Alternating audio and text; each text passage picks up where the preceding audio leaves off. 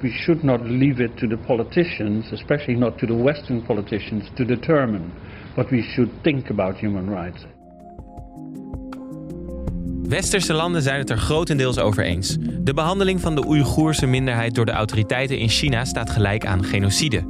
Maar aan de Vrije Universiteit in Amsterdam spraken medewerkers van het Cross Cultural Human Rights Center van geruchten en leugens van westerse media. Na onderzoek vanwege deze opvallende uitspraken bleek het onderzoek van dit centrum gefinancierd door China zelf. De VU, geschrokken door het bericht, zette uiteindelijk de subsidie stop. Het roept de vraag op: hoe worden onze studenten beïnvloed? Op wat voor manier proberen wereldmachten nieuwe generaties te beïnvloeden met hun wereldbeeld? En hoe kan het dat andere regimes die kans krijgen in ons onderwijs?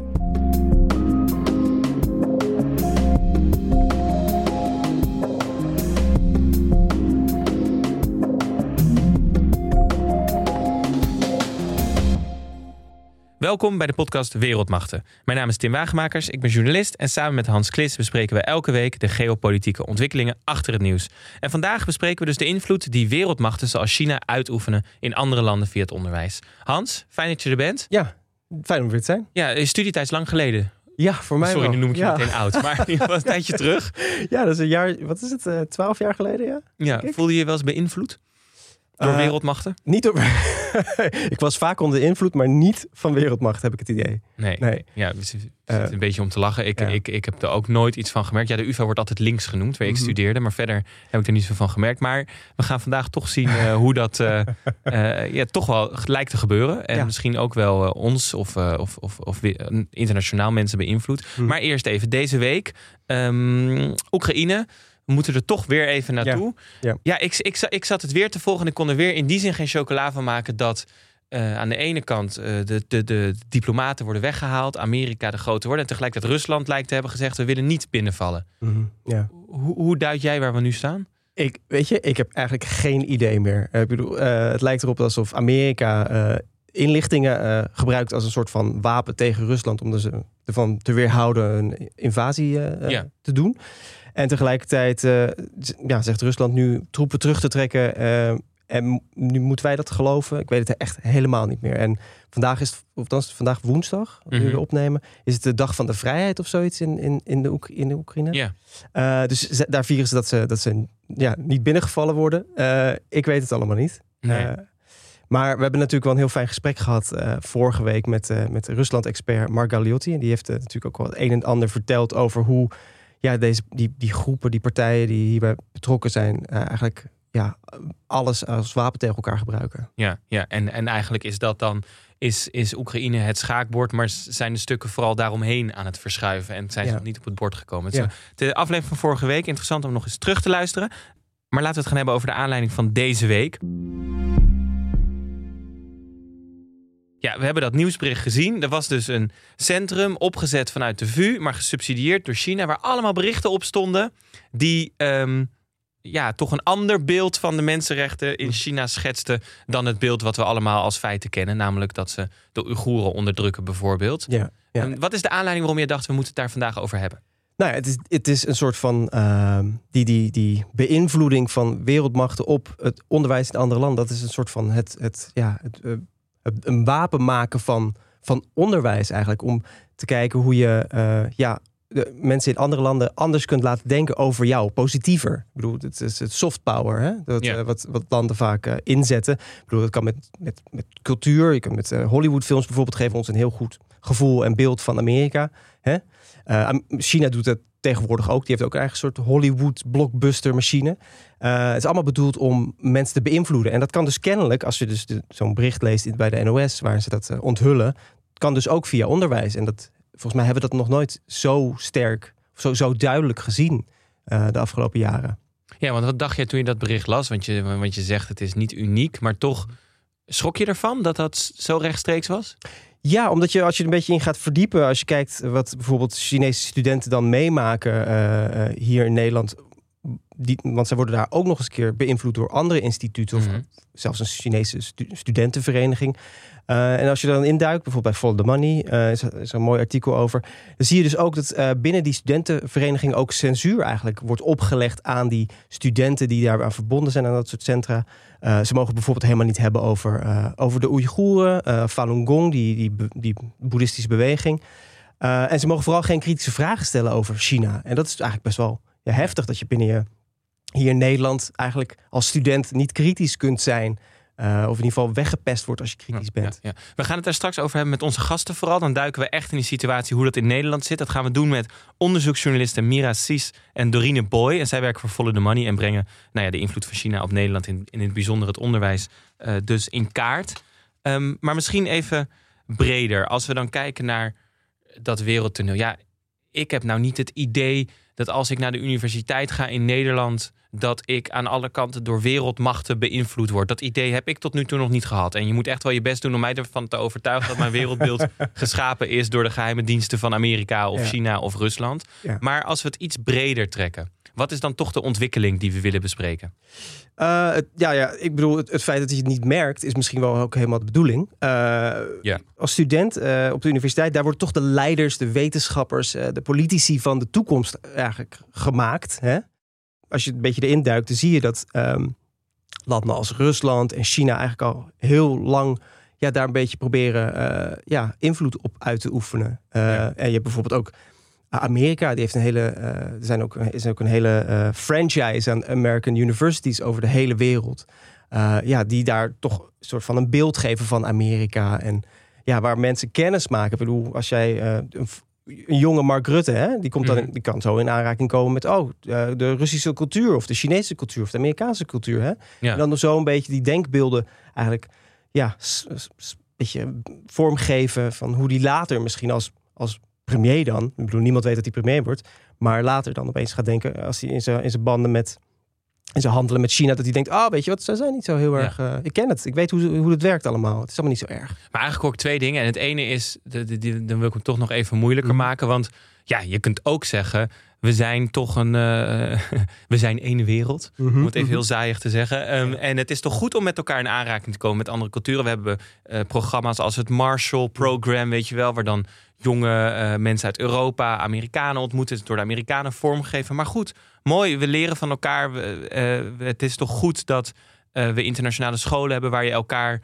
elkaars culturen kunt leren. Dus, dus in, ja, zijn we niet te cynisch? Nou, ik denk dat de schoen wringt vooral in het feit dat als dat, dat zo'n eh, zo'n zo'n wereldmacht via een instituut, als, als bijvoorbeeld het Confucius Instituut, ook zo'n Chinees eh, Ja. studie-instituut waar je Chinees kan leren. ehm eh, Chinese cultuur kunt, kunt le- leren kennen. eh, dat die dan bepaalde ja, voorwaarden stellen, die bijvoorbeeld de academische vrijheid beknotten. Of die als voorwaarde hebben dat je geen kritiek kunt hebben op Ja. China. En dat, ik denk dat daar eigenlijk de grote, de angel eigenlijk zit in dit debat. Oké, maar dan zeg je eigenlijk, we moeten dan zoeken naar voorbeelden waar de universitaire vrijheid, waarin we zeggen, dit is een plek waar in principe alles besproken moet worden, Ja. waar de waarheidsvinding centraal staat. Ja. Ehm, heb jij concrete voorbeelden waarbij je ziet eh, wereldwijd dat dat echt. eh, nee, gewoon, gewoon concrete voorbeelden waarvan je als luisteraar ook denkt, ja, dit geeft nou handen en voeten hier aan, want dit is Ja. aan de hand. Nou ja, dat is, één is het Confucius Instituut Ja. bijvoorbeeld. Dat, eh, dat bespreken we denk ik la- eh, later nog even met, eh, met de twee eh, gasten. Dat is eigenlijk een soort van een, een, een kant-en-klare eh, ja, eh, studiemethode. eh, gewoon een instituut wat meteen bloep, kant-en-klaar is. Eh, maar dat dan ja, eh, geld geeft aan, aan, aan universiteiten. Maar tegelijkertijd dan ervoor zorgt dat, dat bijvoorbeeld een hoogleraar zich moet houden aan eh, ook de wetten in China. Dus Mhm. dat, die, dat, dat je niet kritisch kunt zijn op, op, op eh, Beijing, op de, op, de macht, op de machthebbers in Beijing. Ja, dus eigenlijk zo'n Confucius Instituut is een stukje Chinees grondgebied in Ja. een ander land. Niet Ja. juridisch, maar wel zoals het werkt. Ja, en het, het- voor, voor bijvoorbeeld universiteiten en eh, middelbare scholen is dat heel fijn om zo'n luxe, weet je, zo'n zo'n zo'n vak aan te bieden, Chinees voor de toekomst. Dat is heel goed voor, voor, Ja. voor iedereen om dat te, te leren. Eh, maar dan eigenlijk halen ze dan een soort als een Trojaans paard halen ze dat binnen en moeten ze zich opeens aan allerlei dingen gaan houden. En eh, ja, kun je Ja. bijvoorbeeld moeten ze gaan ze het hebben over die Oeigoerse kwestie als van nou, het valt wel mee, weet je. Ja. Maar goed, dat doet Frankrijk toch ook met, uh, wat is het, de, de, de Alliance Française. Ze hebben dat hele idee van francofonie. We moeten de Franstalige cultuur door de wereld verspreiden. Dus op allerlei plekken zijn er, uh, bieden ze gratis uh, cursussen aan. wat ze ook doen is bijvoorbeeld op plekken waar veel mensen islamitisch geloven, mm. dat ze daar het, het secularisme toch wel promoten door de dingen die ze doen. Dus, dus mm dus niet alleen China, of is het toch anders? Aan die, aan die Goethe-instituten en die dus Allianz. de Duitse versie, ja. ja. Daar, zitten geen, niet echt touwtjes aan vast. En die komen ook niet vanuit de, de, de, de overheid. Dat zijn losse instituten eigenlijk. En die, die, hebben ook niet van die, die komen niet met voorwaarden over dat je, geen, weet je, dat je Macron geen, geen uh, uh, nou, sukkel mag noemen, bijvoorbeeld. Om een mooi woord te gebruiken. Wilde je dat heel graag zeggen? Nee, ik wilde eigenlijk een ander woord oh. gebruiken. maar voor de, voor de luisteraars wilde ik, wil ik een beetje netjes houden. Um, uh, maar dat, ja, daar zitten geen strings attached. Hmm. Althans, schijnbaar geen strings attached. Maar je kunt wel zien dat het natuurlijk een soort van soft power middel is om ons beter, om gunstiger te laten kijken naar een Frankrijk of een, of een Duitsland. Ja, ja. En is het een groeiend fenomeen, zou je zeggen? En dan bedoel ik voornamelijk die echt direct pushen op wat er verteld wordt in, in instituten in het buitenland? Nou, je ziet het heel goed in Amerika. Daar is al eigenlijk tientallen jaren aan de gang. Er zijn, ehm, eh, je ziet het eigenlijk opkomen in de jaren 60, wanneer ook bijvoorbeeld ehm, de EPA, de Environmental Protection Agency, wordt opgericht. Dat is een uh, agentschap dat de volksgezondheid en het milieu beschermt. En je ziet daar opeens dat grote mijnbouwfamilies, zoals de, de, de Olins en de, en de ehm, de Mercers. De, de Mercers en de, en de Kochs. Ja, die zien dus eigenlijk dat, dat ze hun, industrie beknot wordt. Dat ze opeens heel veel belasting moeten gaan betalen. Of dat ze zich moeten gaan houden aan, uh, aan regeltjes zoals geen uh, kwik het dumpen in de Niagara-rivier.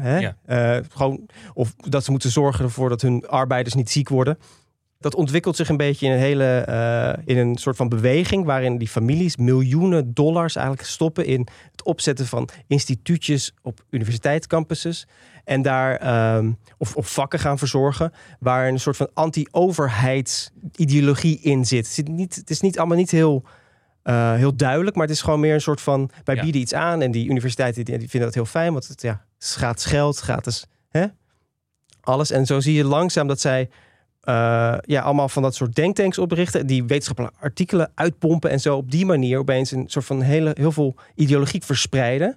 En dan heb je zoiets als de Federalist Society. Dat is een uh, soort van studentenorganisatie, uh, maar ook weer een soort van, ja, hoe noem je dat? Vakbond bijna van, van conservatieve juristen. Die eigenlijk met dat geld van die, van die rijke families allemaal seminars krijgen en allemaal bijna geïndoctrineerd worden met dat conservatieve denken, dat anti-overheidsdenken.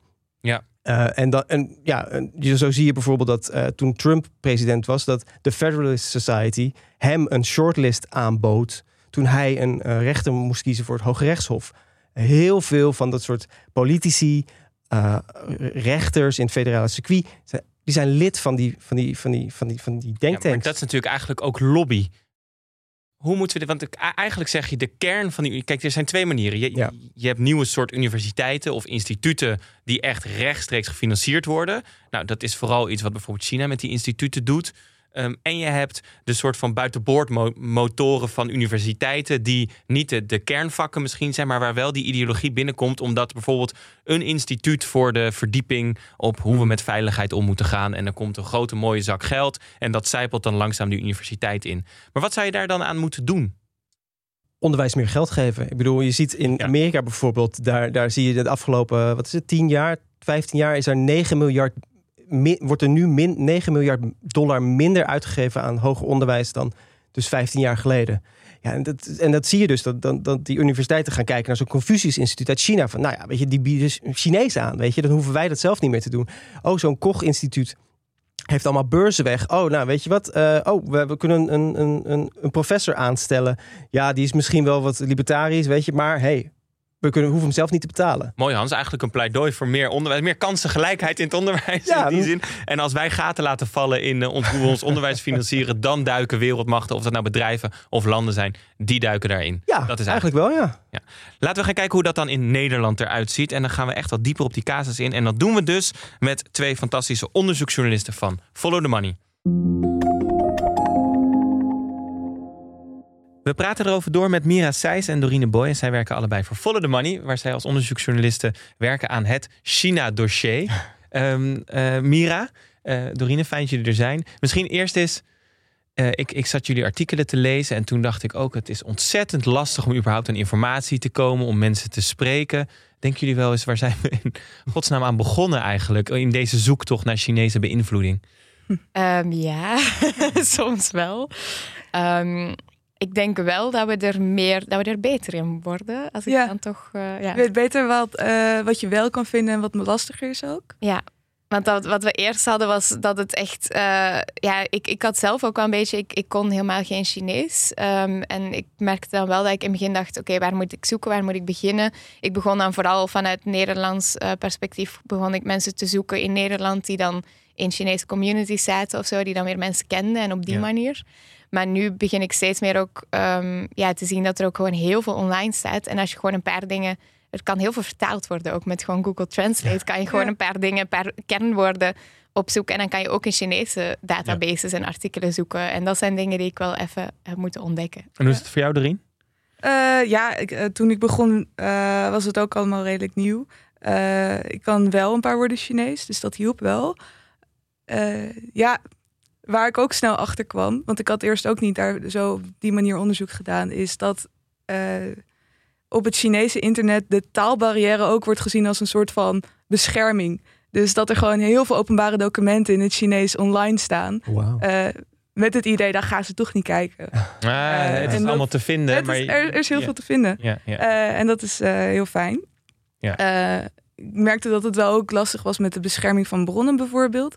Omdat je niet weet eh, of onze artikelen gelezen worden door de Chinese ambassade. Of dat, Ja. ja. het, eh, ja, hoe gevoelig dat allemaal ligt. Ik denk dat we daar extra voorzichtig in zijn, Ja. eh, zijn Ja. geweest. Maar, maar lezen ze mee op de ambassade hier in Den Haag? Ze, ze, zijn, ze hebben nooit gereageerd. Dus, eh, We hebben het elke keer wel voor wederhoor Ja. ingestuurd. Dus het zou gek zijn als ze het helemaal niet hebben meegekregen. Ehm Maar en nooit ruim op tijd ook. Nooit reactie, nooit. Maar misschien dan toch voor de luisteraar die luistert en denkt... ja, een Chinese invloed in het onderwijs. Ik denk niet dat als je aan de UvA studeert... dat je meteen je wereldbeeld helemaal gekanteld is. Waarom is het toch ontzettend belangrijk dat we het daarover hebben? Wat staat er op het spel volgens jullie?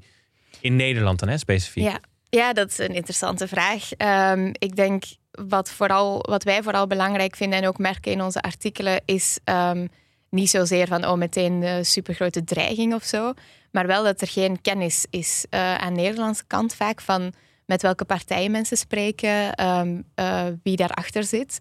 Hadden bijvoorbeeld Confucius-instituten, ehm, dan merkte ik dat nog vaak werd gezegd van nee, dat is helemaal niet bedoeld als beïnvloeding, het is gewoon een taal- en cultuurinstituut. Ehm, terwijl vanuit China zeggen ze letterlijk gewoon: dit is onze soft power. En ze kregen daar een Influence the World Award en zo. En dan dacht ik wel van: ja, dit komt totaal niet overeen, dit kennisniveau, zeg maar. Dus er is gewoon een redelijke kennisachterstand en een beetje naïviteit, denk ik vaak, bij Nederlandse instellingen. En die brengen gewoon niet door met welke partij ze in China aan het praten zijn. Ja, ja.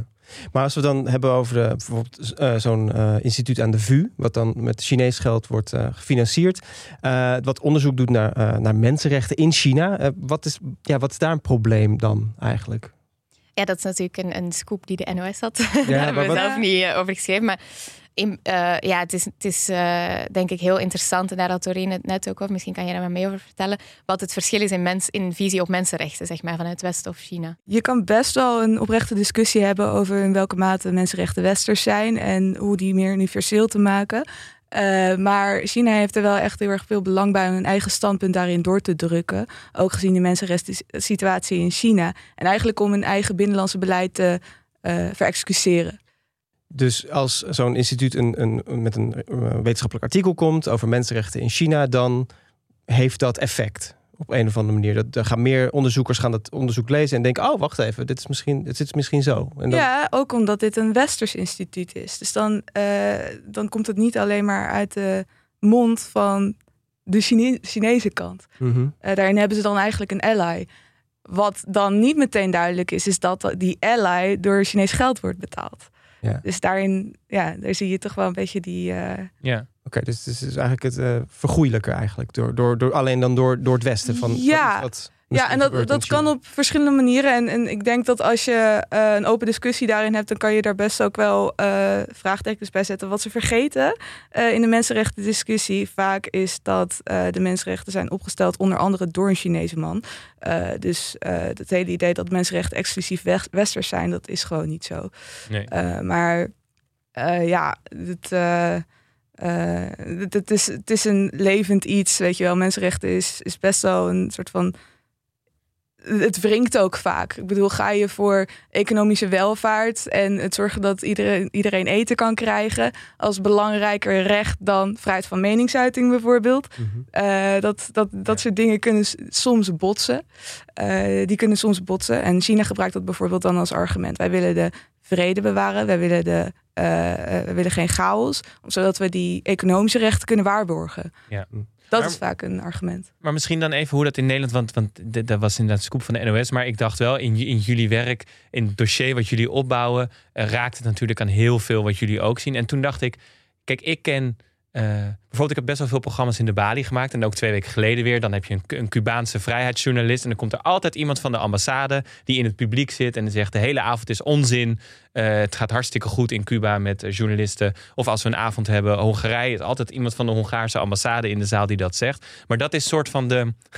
soort van, dat is volgens het spel tussen aanhalingstekens. In ieder geval, dat is ambassades werken zo. Die moeten hun land promoten. Maar zijn er geen regels voor wat rond financiering in onderwijs. Wat mag in Nederland? Want ja, ik bedoel, het is toch een beetje gek als uh, een ander land hier het onderwijs bepaalt wat dan aan de VU of misschien zo'n Confucius Instituut, wat dan niet de officiële universiteit is. Maar ze hebben daar toch een bepalende stem in dan. Ja, er zijn heel weinig regels op dat vlak. Um, vanuit het uh, ministerie van Onderwijs werd ook op een gegeven moment gezegd van ja, toen wij ook vragen gingen stellen over. Uh, ik had bijvoorbeeld ook nog gevonden dat er ook aan, um, allee, dat was al duidelijk dat er aan middelbare scholen ook, um, allee, die ook verbonden zijn in Nederland aan Confucius-instituten. Hoe dan? Um, vanuit Groningen, dus vanuit het Confucius-instituut dat met de Universiteit Groningen samenwerkt, konden middelbare scholen ook geld krijgen voor een programma Chinees, om die op te leuken eigenlijk, om daar allemaal leuke versieringen en lesmateriaal dat ze echt ook rechtstreeks uit China krijgen en zo te gebruiken.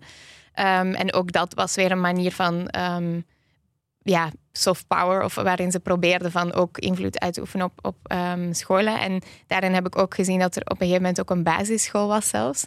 En daar stelde ik mij toch ook wel vraagtekens bij van, heeft het ministerie er dan iets over te zeggen? Wat vinden ze daarvan? En zij zeiden eigenlijk, scholen zijn daarin heel, um, ja, mogen daarin eigenlijk hun eigen beslissingen maken. Die mogen zelf zeggen als ze wel of niet zo'n verband willen aangaan. Alleen heeft het ministerie nu wel ook uh, naar aanleiding van Kamervragen uh, over onze artikelen en ook over Klingendaal-onderzoek uh, gezegd, geadviseerd aan de universiteiten om die Confucius-instituut op afstand te zetten. Hm. Want soms waren ze nog redelijk verweven met de universiteiten zelf. En nu hebben ze echt gezegd van we willen het liefst op afstand. En toen vroegen we hoe dan. En dat was ook nog een beetje vaag. dus daarvan misschien fysiek, misschien in een ander lokaal buiten de universiteit, misschien ook niet. Ja, en het blijft adviezen ook. Ja, precies. Maar dat is ook met recht. Want als een uh, ministerie van Onderwijs heel erg grote invloed zou hebben op een uh, universiteit, dan kan je ook niet echt spreken van academische vrijheid. Nee. Maar ja, nu, nu ja. Ja, maar dit is dus eigenlijk. Dit is precies het dilemma, toch? Ja. ja. En dit is wat Mark Galliotti zegt, toch? Dit is geweaponized. Dit is het eh, onderwijs is geweaponized door China eigenlijk door de mazen van de wet eigenlijk te gebruiken, kunnen ze basisscholen beïnvloeden. Ja, maar het is natuurlijk ontzettend moeilijk, want je hebt in Nederland vrijheid van onderwijs sowieso. Hè, dat is dan meer, meer richting middelbare school. Dus je hebt ook bijzonder onderwijs, je hebt ook speciaal onderwijs, je hebt islamitisch onderwijs, je hebt christelijk onderwijs. Dus waarom mag je niet een lespakket Chinees? Uh, ik bedoel, de, de, en tegelijkertijd voelt iedereen denk ik wel dat er toch een verschil zit tussen de spelregels die je zelf als land maakt of um, ja, want eigenlijk hebben we ook geen zicht. Ik denk dat er weinig mensen zijn die precies snappen wat er in het lespakket staat. Toch in zekere zin, ik denk niet dat heel veel mensen op zo'n universiteit heel makkelijk kunnen denken van nou, dit is nou precies wat daar. Dus het blijft ook een beetje verdekt of zo. Ja, en met uh, wat je ook zag, um, Media Logica heeft daar een, uh, denk 2019 of zo uit mijn hoofd, uh, een uitzending over gemaakt. Ook uh, over dat lesmateriaal dat dus naar die middelbare scholen werd gezonden. En in dat lesmateriaal stond dus ook uh, een hele mooie, mooie vertelling over de geschiedenis van een grootmoeder. En daarin stond niet de studenten, de protesten in Tiananmen in 1989, geloof ik. waarbij de echte studenten, ja, gewoon die opstanden zijn helemaal bloedig neergeslagen en zo, stond er allemaal niet in. En dan zei die directeur van die school ook, oh ja, ja ik wist eigenlijk niet precies wat er in het lesmateriaal stond of zoiets. Dus zo zie je ook wel van, eigenlijk hebben mensen inderdaad niet genoeg zicht op wat daar dan in staat. Maar het komt wel, ze, willen het wel. Ja, en we hebben het nu dus eigenlijk over eigenlijk grote dingen, maar hoe, hoe, hoe, uh, hoe, wat voor effecten heeft deze soft power uit China in Nederland eigenlijk op uh, invloed op individuen hier in Nederland? Dat lijkt me redelijk lastig te meten. Ja. Uh, want soft power is wel vaak lastig te meten. Uh, je kan het zien als propaganda die mensen links laten liggen. Of iets wat lange termijn werkt. En uh, China denkt op zich wel in de lange termijn. Dus soft power kan wel een soort van goede asset voor ze zijn. Um, weet, we hebben een stuk geschreven over Chinese studentenverenigingen. En daarin zie je dat dat is dan misschien weer mindere mate soft power, maar wel weer controle. Dat je ziet dat er wel erg uh, de Chinese studenten die uh, daaronder zitten uh, aan zelfcensuur doen. Hm. in zulke mate dat in andere landen ook gezegd worden dat docenten die veel Chinese studenten in de klas hebben, ook bepaalde dingen niet zeggen. dus daarin zie je wel heel erg duidelijk die censuur dan doorwerken. als iets wat impliciet is. Dus niet dat het uh, uh, meteen gezegd wordt van ja, je mag niks zeggen. Mm. Maar wel uh, als een soort van stille aanwezigheid, waardoor mensen niet hun mond open trekken. Maar kun je, kun je dat iets concreter maken hoe dat dan werkt? In, zeg maar, is dan de angst wie er meeluistert of meekijkt? Of is de angst dat dan, zeg maar, wat is dan de angst waardoor ze aan zelfcensuur doen? De sociale controle en niet weten okay. wie je kan vertrouwen. Dat is in ieder geval ja. wat we van een van onze bronnen heel erg duidelijk hadden gehoord. Zij, zij praten uit voor zorg niet met andere uh, Chinese en Hongkongse uh, studenten, omdat ze gewoon niet wist wie wat vond. Ja, ja, ja. dat was best wel heftig eigenlijk om te horen. Want ja. daarin, eh, wat we ook hebben ontdekt eigenlijk toen met heel veel WeChat-berichten, dat is een soort uh, Chinese WhatsApp, uh, door te nemen, is dat er dus ook echt vanuit die Chinese studentenvereniging, die landelijk georganiseerd is, oproepen werden gedaan aan studenten om elkaar te verklikken. Dus ook weer in voorzichtige bewoordingen, maar wel zo van als andere mensen iets fout zeggen over China, ga dan op die en die manier ermee om. En ga dan naar de Chinese ambassade um, om dat dan te vertellen of zo. Ja. Dus het, het, was los van de angst, was er duidelijk ook een aanwijzing dat die angst terecht is. Maar het is natuurlijk, want, want, want wij hebben nu heel erg van wat heeft het dan voor invloed op Nederlandse studenten, zeg maar. Eigenlijk is, als ik jullie hoor, is het nog veel meer. Uh, kijk, Nederland tolerant, vrij land. Uh, nou ja, in ieder geval dat is het beeld.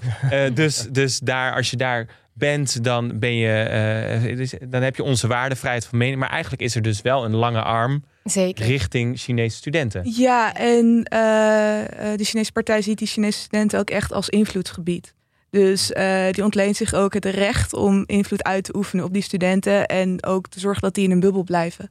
Ja. Uh, en het uh, hele feit dat uh, Chinese, überhaupt buitenlandse studenten en Nederlandse studenten op een universiteit mengen niet echt. Over het algemeen, dat is niet echt heel succesvol geweest, geloof ik. Uh, maar met Chinese studenten geldt dat helemaal niet. En dat komt ook omdat zij meteen bij aankomst eigenlijk in contact komen met die Chinese studentenvereniging, daarin opgenomen worden, warm bad.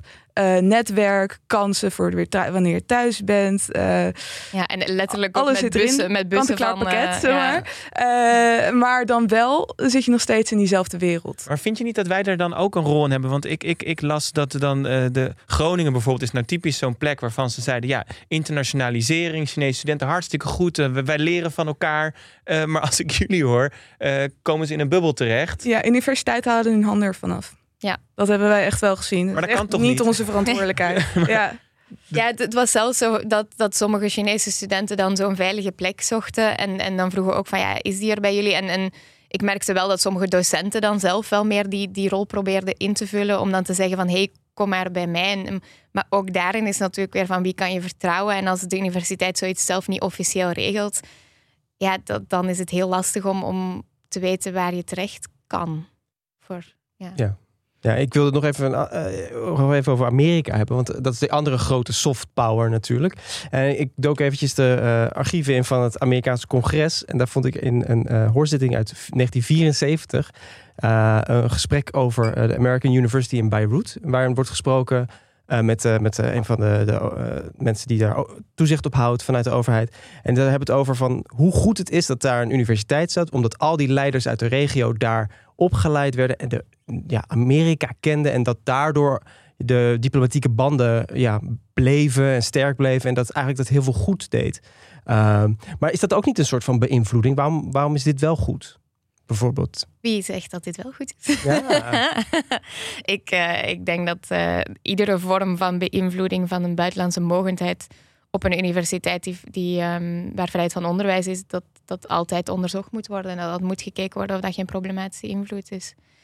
Ik denk, uh, ja, van als dat bijvoorbeeld een, een Chinese overheid zeggenschap heeft over wat er wel of niet onderzocht kan worden hier.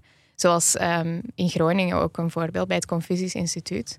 Um, ja, dat uh, is dan volgens mij wel redelijk duidelijk problematische invloed. En als zoiets wordt ontdekt van, vanuit Amerika of Amerikaanse invloed, dan vind ik dat even problematisch, eerlijk gezegd. Want wat was dat met de, wat Henk Kool ook als uh, argumenten gebruikte? Uh, van het Confucius Instituut is toch hetzelfde als de Duitse... De Goethe-instituut, ja. Alliance Française, ja. ja. de Spaanse. Ja. ja, dat wordt vaak gezegd. Maar daarin is dat, dat zijn wel echt duidelijke verschillen. Want ook daarin, dat zijn ook instituten die in andere landen hun eigen cultuur en taal willen uitdragen. Mm -hmm. Maar het verschil is dat die um, niet landelijk worden aangestuurd. Dus dat dat echt uh, zelfstandige organisaties zijn. Um, en daar heeft ook uh, instituut Klingendaal onderzoek naar gedaan. En die hebben ook echt wel drie duidelijke verschillen aange uh, aangewezen. Dat was dus deze. Dan het feit dat er geen echt les wordt um, gegeven aan universiteiten in Nederland. Wat met Confucius Instituut wel zo was. En uh, ook dat er dus vanuit China met, via die Confucius Instituut weer propaganda wordt verspreid. Ja. Oh, dat, dat zijn drie goede lessen, denk ik, om te herkennen. Of in ieder geval om te, om te kunnen inschatten. Want we kunnen dus wel bepalen wat we goed vinden en niet. Het is natuurlijk ook niet dat het, als we erover doorpraten, denk ik dat veel mensen best wel op de dingen uitkomen die je nu, uh, die je nu die je Zoiets, noemt. ja. Misschien tot slot, um, um, ja, dat ga je natuurlijk misschien helemaal niet zeggen, maar waar, waar zijn jullie nu benieuwd naar? Waar, waar zijn jullie nu mee bezig? Oké, okay, het antwoord gaat worden het China-dossier. We zijn nog niet klaar. Die zijn nee, nog niet klaar. Nee, het is uh, nu wel. We zijn wel een leuk project bezig, maar we kunnen er nog weinig okay. over zeggen. Oh. Nou, mm. Kom je er dan vertellen als het klaar is? Goed. Okay, ja. doen we dan. Beloofd. Ja, heel veel dank Mira Seijs en Dorine Boy van Follow the Money. Ik weet dat in Hongarije heb je natuurlijk ook de situatie gehad dat uh, George Soros, daar is hij weer, maar met Mark Galliotti hadden we het er ook over, uh, dat die uh, medefinancier was van een universiteit, de Central European University. Ja. En dat daar Uh, en ik denk dat uh, uh, Mira en, en Doreen net goed het onderscheid hebben gemaakt tussen hoe kan je nou zien wat problematisch is. Maar toch, dat uiteindelijk Viktor Orban heeft gezegd, we kicken die universiteit er gewoon uit. Ja. Want we willen niet dat buitenlands geld gefinancierd wordt. Dat was natuurlijk ook een beetje een rookgordijn. Mm -hmm. Dat argument van we willen niet buitenlands geld. Om gewoon een, een, kritische stem in Hongarije. Waar alles richting de macht van Orban gaat. Ja. eruit te krijgen. Dus het was een gelegenheidsargument. Maar toch, als je dat dan ziet. Zijn wij niet veel te lief voor de inmenging. die dan hier in die buitenboordmotoren van die universiteit zit. Ja, eigenlijk wel. Ik bedoel, je ziet, je ziet wat, wat voor ja, controverse het eigenlijk is als het nieuws over de VU uitkomt. Of uh, van het werk van Doreen en, Mira over, over die Confucius instituten. Ja, misschien zou daar gewoon meer tegen opgetreden moeten worden op een of andere manier. Of ik denk, daar komen we gewoon op terug, dat, dat de universiteiten gewoon meer geld moeten krijgen. En gewoon zelf dat ja. onderwijs moeten inkopen. Hè? Dat ze dat zelf betalen in plaats van dat ze een zak geld aannemen van, uh, uit het buitenland. Maar ja, hoe, ja, die onderwijsvrijheid is ons natuurlijk ook heel veel waard. Dus ja, wat willen we nou? Hè? Dat is wel een hele moeilijke vraag. Ja, nou ja, en vooral omdat het opportunistische argument van we hebben gewoon geen docenten, we hebben geen middelen Hm. uh, om bijvoorbeeld Chinees onderwijs te geven, op dit moment toch te veel doorslaggevend dan zijn. Ja, kennelijk, ja. Ja. ja. maar je- ik denk dat het, dat het eigenlijk nu draait om bewustzijn. Dat mensen bewust worden waar dat geld vandaan komt. Of het nu uit China komt, of uit Amerika, of uit Saudi-Arabië. Dat dat gewoon duidelijker wordt. Dat we dat weten en dat we in ieder geval beter instappen in dit soort programma's. wat wat bij mij in ieder geval blijft hangen, en, en dan ga ik toch eindigen met een positieve noot nog. Goed zo, goed ja, nee, zo. maar wat mij blijft hangen is dan toch wel dat je denkt, ja, eh, we, we zijn toch ook wel niet zo goed als we denken. Dat is toch negatief, zelfs misschien. Maar ik ga zo naar het positieve. We zijn toch zo niet zo goed in het beschermen van eh, minderheden of mensen die naar Nederland komen om te studeren of om te wonen of die soms eh, weggaan van een regime om die te vrijwaren van de lange arm van de landen waar ze vandaan komen. Daar zijn we toch niet zo goed in. Nee. En, maar, en het positieve is, ik zag dus, ehm, volgens mij was dit weekend in de Volkskrant een interview staan met drie Oeigoerse jongens, eh, mannen van rond de 30, die eh, eigenlijk voor het eerst in hun leven, want dat mocht in China nooit, en ze wonen nu in Nederland, politiek actief zijn geworden. En ze staan op de lijst voor de gemeenteraad. Ja, wat goed. Eentje voor de VVD, eentje voor Denk en eentje voor nog een andere partij. Ik weet niet precies welke partij. Uh, maar die, die, die, die zeiden gewoon, we zijn nu in Nederland en we kunnen eindelijk politiek actief zijn. Dus we gaan gewoon op een lijst staan en je mag op ons stemmen. Toen dacht ik, nou misschien moeten we dat ook meer aandacht geven dan zo'n centrum van de VU met hun rare blogs en wat gelukkig gestopt is door Ja. de VU. En laten we dat artikel ook in de show notes zetten. Ja, dat is goed. Ha- heb, heb jij nog een, eh, een tip van de week, een shout-out? Ja, ja ik, eh, ik, ik was helemaal weer helemaal enthousiast geworden over, over Amerika. Dus ik had. eh, en nu- ja, je hebt er gewoond of niet, hè? en het, ja, toen ik aan het graven was over dat, eh, over dat geld wat in, in die universiteiten kwam, Ja. kwam ik een boek tegen wat ik, wat ik met heel veel plezier heb gelezen: Dark Money van Jane Mayer, een, een onderzoeksjournalist van de New, York, de New Yorker. Sorry. En het gaat helemaal over hoe die miljardairs in Amerika onderwijs, politiek, eh, religie, eh, alle culture wars eigenlijk ja, eh, voeden met hun geld. Ah, En dat wilde ik even aanraden voor iedereen die daar meer over wilde weten. Super goede tip. Voor, voor, voor de mensen die denken weer een boek. Hij heeft altijd die boeken, maar echt, jullie zien dat niet. Maar die boeken zijn altijd helemaal stuk gelezen. dus hij heeft ze ook echt wel allemaal gelezen. Eh, maar nou ja, we- die zetten we ook op Goodreads, onze.